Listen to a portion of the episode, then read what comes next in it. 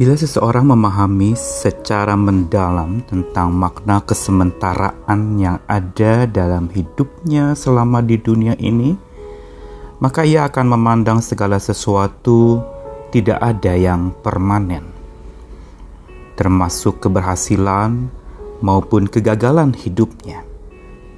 Tidak ada yang permanen, termasuk sehat maupun sakitnya tidak ada yang permanen termasuk masa jaya maupun masa hancurnya.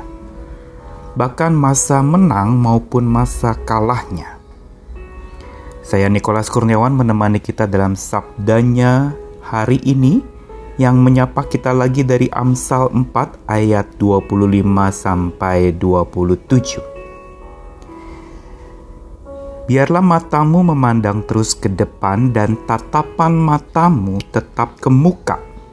Tempuhlah jalan yang rata dan hendaklah tetap segala jalanmu. Janganlah menyimpang ke kanan atau ke kiri. Jauhkanlah kakimu dari kejahatan. Keberhasilan dalam hidup selalu disyukuri, tapi kegagalan sering kali disesali.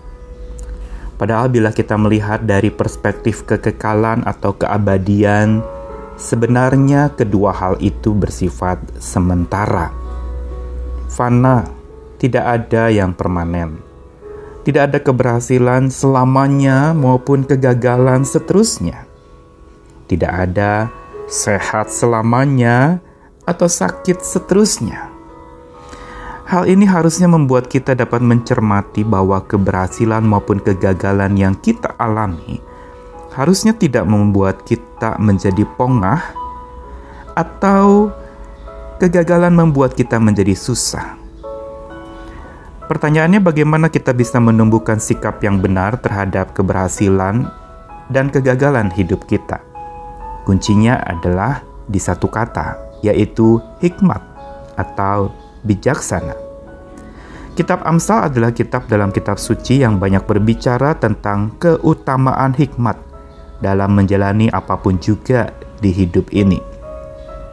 Amsal 4 ayat 25 sampai 27 yang tadi saya bacakan mengajarkan tentang cara pandang kita untuk terus memandang ke depan, menatap ke muka, jangan menoleh ke belakang atau mengenang terlalu lama pada apa yang sudah berlalu.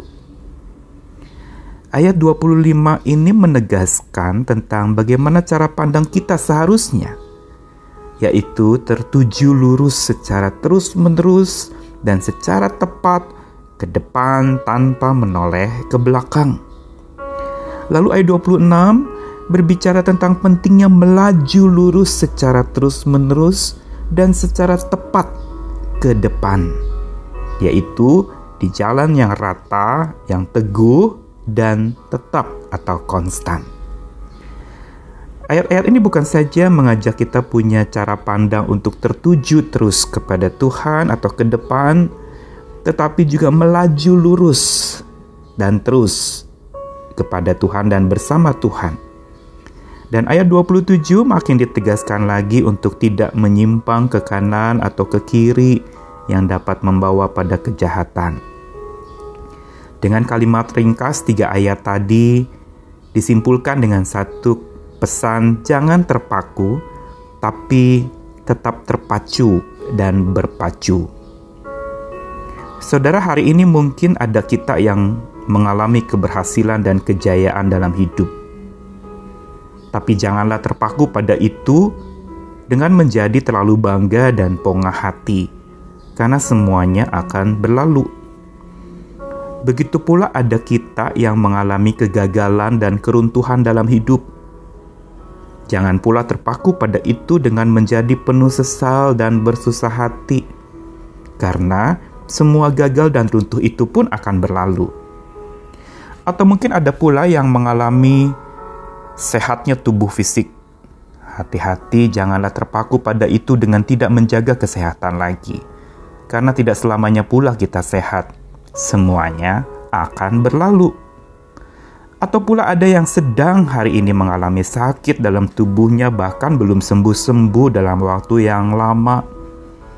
Jangan terpaku pada sakitmu itu dengan bersusah hati, atau tidak dapat menerima sakit itu. Tapi tidak selamanya kita sakit, semuanya itu juga akan berlalu, karena semua serba sementara. Keberhasilan atau kegagalan, sehat atau sakit, tidak seharusnya membuat kita terpaku, tapi teruslah tertuju pada Tuhan pengharapan kita, terpacu olehnya, dan berpaculah bersamanya. Dia sang pemilik waktu. Sebelum waktu hidup kita akan dikembalikan lagi kepadanya, marilah kita terpacu oleh kasih dan hikmat Tuhan, berpacu bersama dengan Tuhan yang selalu membimbing dan mendampingi hidup kita. Selamat berjuang lagi, ayo melaju lagi bersama dengan pandangan yang tertuju kepada Tuhan dan bersama dengan Tuhan. Salam hari ini. Amin.